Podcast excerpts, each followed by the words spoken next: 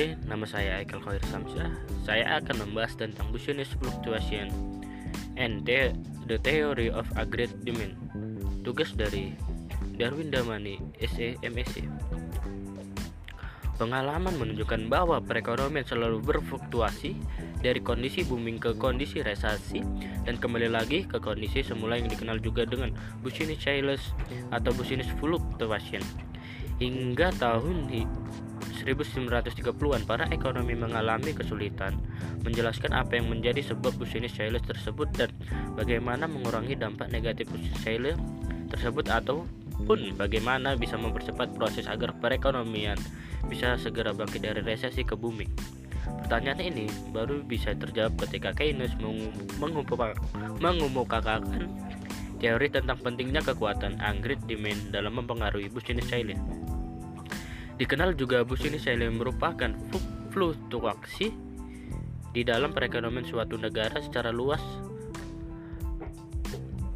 total output nasional, pendapatan atau income, dan penyerapan tenaga kerja atau employment di mana biasanya dalam satu siklus memerlukan periode 2-10 tahun yang sering kali ditandai dengan ekspansi secara luas atau kontraksi secara luas di dalam perekonomian negara tersebut. Oke, kita masuk fit fitur siklus usaha. Secara umum, business cycles dikelompokkan da ke dalam dua kondisi, yakni resesi, ekspansi atau boom. Oke. Oke, selanjutnya kita akan membahas tentang resesi dan depresi. Resesi periode di mana terjadi penurunan atau decline pada total output pendapatan atau income dan penyerapan tenaga kerja atau employment biasanya terjadi dalam jangka waktu 6 bulan hingga satu tahun dan ditandai dengan kontraksi secara menyeluruh dalam perekonomian hingga mencapai dasar resesi atau trough sedangkan resesi yang parah dan berkepanjangan disebut depresi Oke, selanjutnya kita akan membahas tentang ekspansi atau boom, merupakan kebalikan dari resesi, di mana dalam periode ini ditandai dengan peningkatan total output, income, dan penyerapan tenaga kerja atau employment yang tinggi hingga mencapai puncak ekspansi atau peak. Oke, karakteristik. Meskipun tidak ada siklus bisnis yang benar-benar sama, tetapi ada tanda-tanda umum yang dij bisa dijadikan pegangan akan terjadinya suatu resesi dalam perekonomian. Tanda-tanda tersebut adalah turunnya pembelian konsumen secara tajam di hampir seluruh sektor ekonomi, turunnya turunnya permintaan tenaga kerja hingga membuat banyaknya pengangguran, turunnya tingkat inflasi, turunnya tingkat profitabilitas dunia usaha. Oke, kita akan berlanjut ke teori siklus bisnis. Secara umum, ada beberapa pendapat mengenai sumber business Shelley, tetapi secara umum ada te tiga teori utama penyebab business Shelley. Satu, exogenous Shelley, dua internal Shelley, tiga demand induced Shelley. Oke, kita akan membahas tentang yang pertama, yaitu exogenous Shelley. Menurut teori ini, faktor-faktor penyebab fluktuasi bisnis atau business Shelley ada di luar sistem atau exogenous atau ekonomi. Satu, perang. Selanjutnya, revolusi, pemilu, penemuan atau dunia baru, penemuan-penemuan teknologi, wabah, perubahan iklim atau global warming dan seterusnya.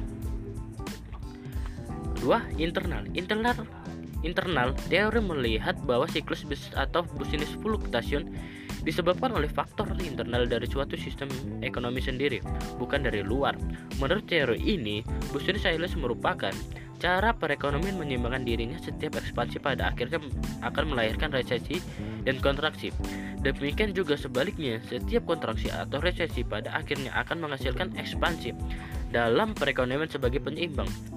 Oke, selanjutnya demand induction cycle ada siklus usaha atau business cycle yang dipicu oleh shock atau guncangan dari sisi permintaan demand.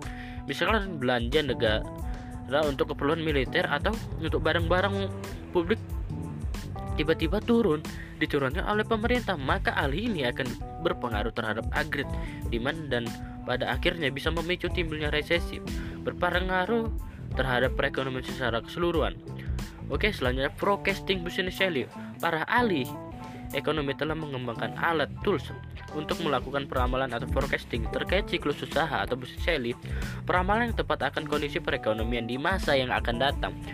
Da terutama terkait dengan bisnis seli dapat membantu pemerintah atau penentu kebijakan untuk menyiapkan kebijakan ekonomi yang tak mempercepat dalam meredam dampak negatif bisnis Chile dan mempercepat recovery dari resesi bahkan depresi. Oke, selanjutnya ekonometrik atau econometric modeling dan forecasting. Salah satu metode alat yang sering digunakan para ekonom untuk melakukan peramalan atau forecasting adalah dengan menggunakan economic modeling. Model ekonometrik adalah suatu set persamaan dengan berbagai variabel yang mencerminkan faktor-faktor yang berpengaruh dalam perekonomian. Model ini disebut juga dengan makroekonomik. Model ini dihitung dengan bantuan komputer. Oke, selanjutnya kita akan masuk dasar-dasar aggregate demand. Aggregate demand atau AD adalah total seluruh hasil produksi atau output pada perekonomian ini suatu negara yang bersedia dibeli pada tingkat harga tertentu keteres probis. Oke. AD juga menunjukkan total pengeluaran di seluruh sektor ekonomi yaitu konsumsi, investasi, belanja pemerintah dan ekspor. Dalam rumus ada seperti ini. AD sama dengan C tambah I tambah G tambah X sama dengan GDP. Oke, selanjutnya kurva aggregate demand yang mirip ke bawah atau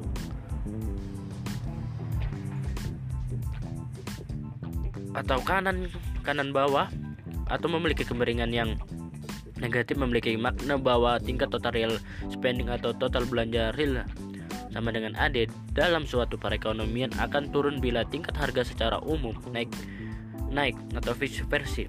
Oke, selanjutnya hal tersebut tidak ikut naik beberapa unsur kekayaan atau wealth ketika harga-harga naik seperti pendapat yang tetap, uang pensiun yang tidak naik, UMR, UMR yang tetap dan seterusnya.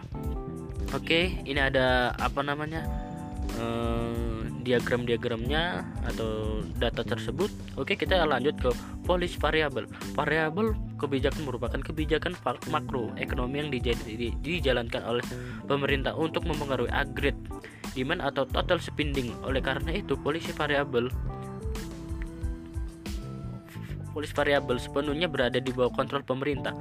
Oke, secara umum ada dua polis variabel bisa diambil oleh pemerintah untuk mempengaruhi agregat demand yaitu monetary physical policy. Oke. Selanjutnya exogenous variable adalah subuh semua variabel yang berpengaruh terhadap agregat demand atau total spending tetapi ditentukan di luar sistem ekonomi atau di luar kerangka atau ADE dan AS.